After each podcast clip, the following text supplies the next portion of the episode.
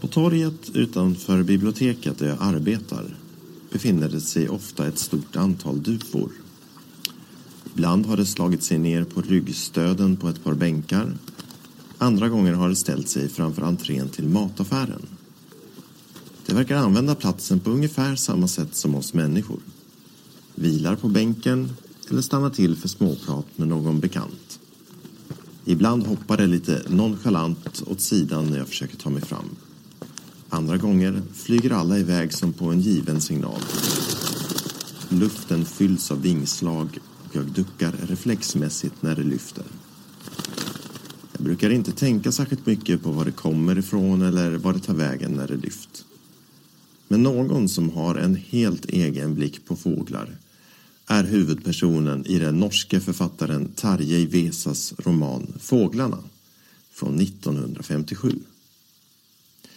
I ett litet hus som kanske inte är i, längre är i bästa skick bor syskonparet Hege och hennes yngre bror Mattis.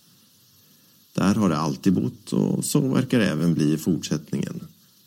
Hege stickar och är den som försörjer de två. Mattis försöker jobba på gårdarna runt omkring men det går sällan som det är tänkt. Armarna och tankarna liksom trasslar till sig. Plötsligt sitter han och drömmer eller så rycker han upp betorna istället för ogräset som skulle rensas.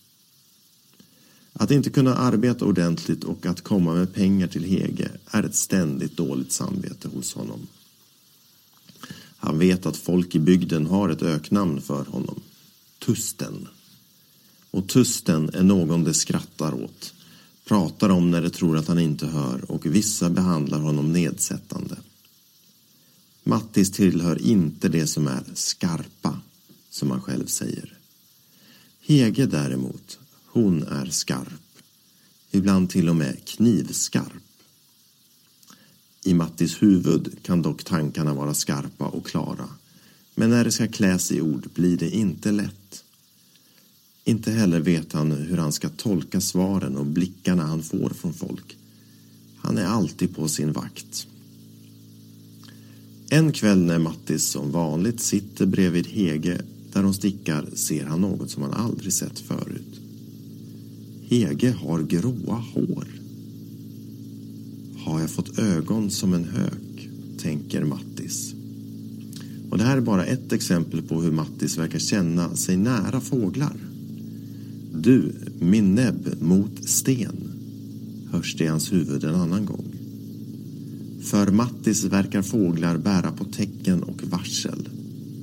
Och därför blir det en extra stor händelse för honom när en morkulla på kvällen plötsligt börjar flyga över huset i ett morkulledrag. Vad kan det betyda att morkullan nu flyger fram och tillbaka över deras hus?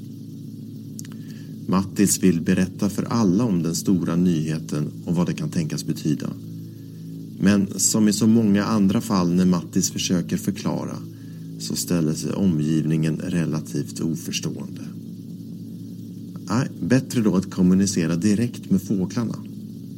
För Mattis upptäcker att morkullan lämnar meddelanden i gyttjan i skogen där den landar. Det är bara för Mattis att ta en pinne och skriva tillbaka med fågelskrift. En annan dag står det en fågel på stigen som man aldrig sett förut. Vad betyder det? Vad är det som kommer att hända? För det måste betyda någonting, tänker Mattis. Och visst kommer Mattis och Heges liv att förändras på ett sätt som ingen av dem nog föreställt sig. Och kanske beror det på fåglarna som Mattis upptäcker, eller så beror det på helt andra saker. Efter att ha läst ut Fåglarna tänker jag utan tvekan det här är en av de bästa böcker jag någonsin läst. Och varför har jag inte läst den här tidigare? Vesas lyckas kombinera språk, miljöer, karaktärer och skeenden på ett nästan till perfekt vis. Gestaltningen av Mattis och hans uppfattning av bygden, människorna och framförallt just fåglarna är enastående. På insidan av bokens perm citeras författaren Ian McEwan.